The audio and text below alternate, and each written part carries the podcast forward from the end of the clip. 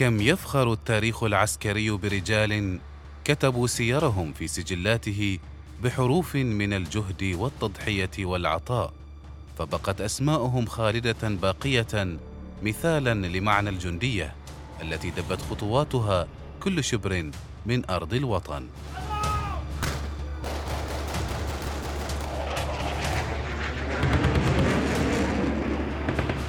جنود برنامج أسبوعي نتعرف من خلاله على الجنود الذين ضحوا بحياتهم من أجل أوطانهم.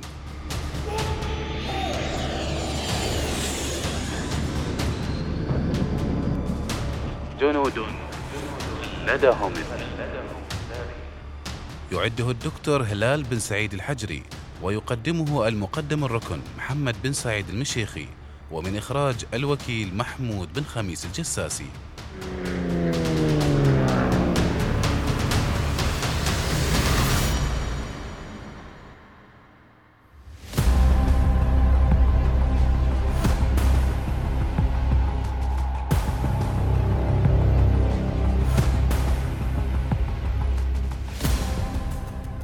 جنود خلدهم التاريخ.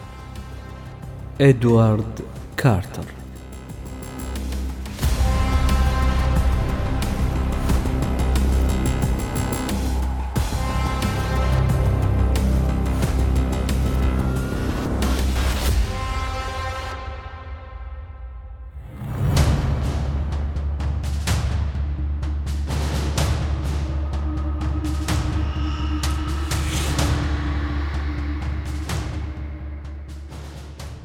لقد خدم إدوارد كارتر أمته بشرف وبطوله عاش ما يقرب من عقدين بعد الحرب العالمية الثانية وكان يعرف جيدا إنجازاته في الحرب. ولكن للأسف لم يتم الاعتراف بها بالكامل من قبل بلاده إلا بعد مرور أربعة وثلاثين عاما على وفاة.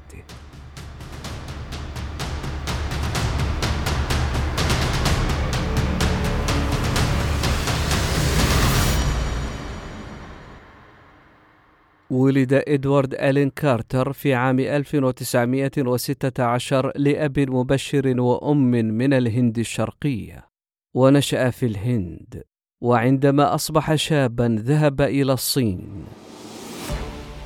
حيث انضم في عام 1932 إلى الصينيين في معركتهم ضد الغزو الياباني الأخير.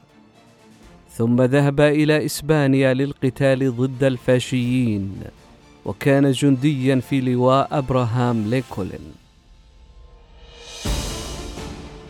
انضم إلى الجيش الأمريكي في سبتمبر من عام 1941 سرعان ما تلاشت آمال كارتر في الخدمة في الخطوط الأمامية للقتال من أجل بلاده بسبب تجاربه السابقة مع الاشتراكيين في الصين وإسبانيا وبالطبع بسبب لون بشرته السوداء. أنزل إلى رتبة موظف في الخدمة والتوريد. لكنه ترقى بعد ذلك إلى رتبة رقيب أول.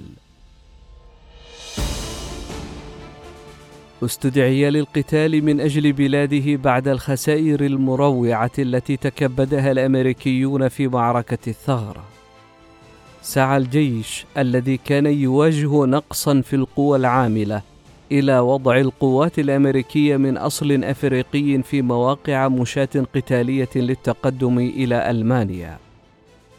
كان كارتر واحدا من أكثر من أربعة آلاف متطوع أسود تم اختيارهم للخدمة في دور قتالي. عين كارتر في سرية المشاة الأولى المؤقتة. الجيش السابع سرية الزنوج. وألحق بكتيبة المشاة المدرعة رقم 56 في مارس من عام 1945 حين كان الحلفاء يتقدمون نحو نهر الراين. عندما اقتربت الكتيبة من نهر الراين وجدوا الجسور مدمرة بشدة بسبب القصف الجوي للحلفاء والألمان المنسحبين. شقوا طريقهم جنوبا من مانهايم باتجاه بلدة شباير. التي ورد أنه لا يزال يوجد بها جسر سليم للعبور إلى الجانب الشرقي من النهر. إلى الشمال مباشرة من المدينة واجه كارتر ورجاله نيرانا كثيفة من المدافعين الألمان. وقد بين وسام الشرف الذي حصل عليه كارتر بالتفصيل كيف استجاب هذا الجندي الشجاع للموقف.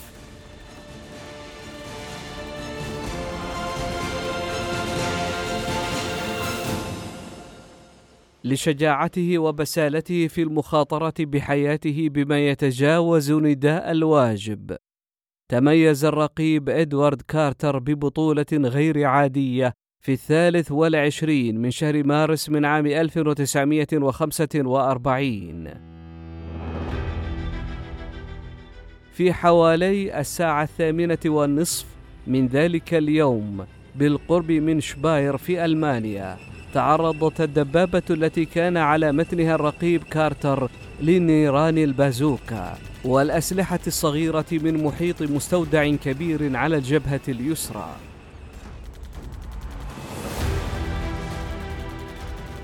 اختبأ الرقيب كارتر وفريقه خلف حاجز ترابي ثم تطوع كارتر لقيادة دورية مكونة من ثلاثة أفراد إلى المستودع. حيث لاحظ أعضاء الوحدة الأخرى حريق البازوكا الأصلي. من هنا كان عليهم التأكد من موقع وقوة الموقف المعاكس والتقدم حوالي 150 ياردة عبر حقل مفتوح. غطت نيران الأسلحة الخفيفة للعدو هذا المجال ولدى خروج الدورية من هذا الموقع المغطى. تعرضت لإطلاق نار كثيف من أسلحة خفيفة للعدو مما أدى إلى مقتل أحد أفرادها على الفور.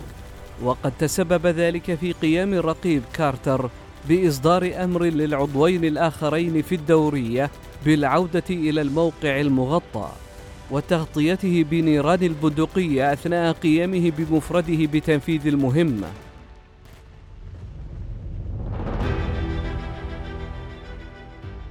قتلت نيران العدو أحد الجنديين أثناء عودتهما إلى الموقع المغطى وأصابت الجندي المتبقي بجروح خطيرة. أصابت رشقة رشاش للعدو الرقيب كارتر ثلاث مرات في ذراعه اليسرى حين كان يواصل تقدمه وتابع مسيره وأصيب بجرح آخر في ساقه اليسرى. أطلق العدو عليه رصاصة اخترقت يده اليسرى حين كان يهم بإخراج زمزميته لتناول بعض المسكنات. ورغم هذه الجروح واصل الرقيب كارتر التقدم بالزحف حتى أصبح على بعد ثلاثين يارد من هدفه. اشتد نيران العدو لدرجة أجبرت كارتر على الاختباء خلف الحاجز الترابي لمدة ساعتين تقريبا. ثم اقترب منه ثمانية من رماة العدو لأخذه أسيرا. فقتل كارتر ستة منهم وأسر اثنين آخرين.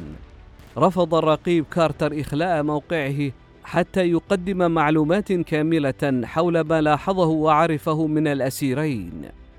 هذه المعلومات سهلت بشكل كبير التقدم الأمريكي إلى شباير.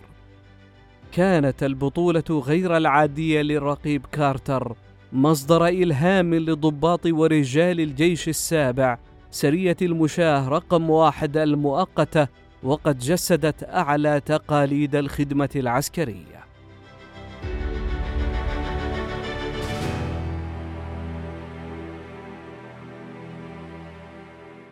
بعد الحرب تحطم حلم كارتر في الاستمرار في الخدمة العسكرية. بسبب نشاطه في الجمعيات السابقة في الصين وإسبانيا.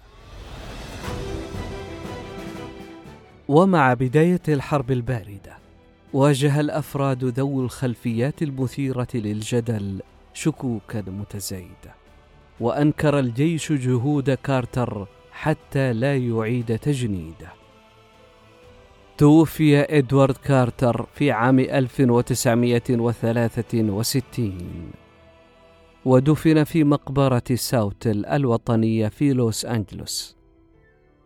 عند سماع عائلته أنه سيكرم بوسام الشرف قررت نقل رفاته إلى مقبرة أرلينتون الوطنية التي يشرف عليها الجيش الأمريكي وتم ذلك في يناير من عام 1997 وهكذا أصبح إدوارد كارتر من الجنود الذين خلدهم التاريخ.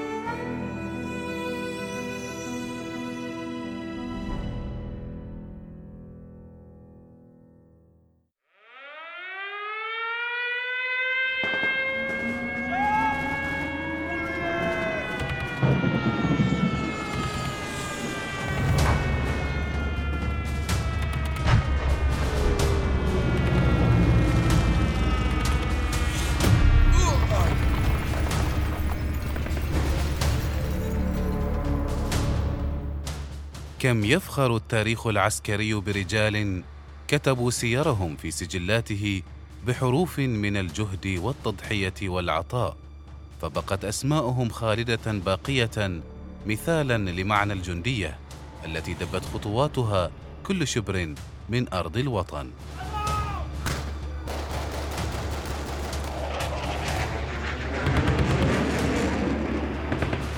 جنود برنامج أسبوعي نتعرف من خلاله على الجنود الذين ضحوا بحياتهم من أجل أوطانهم.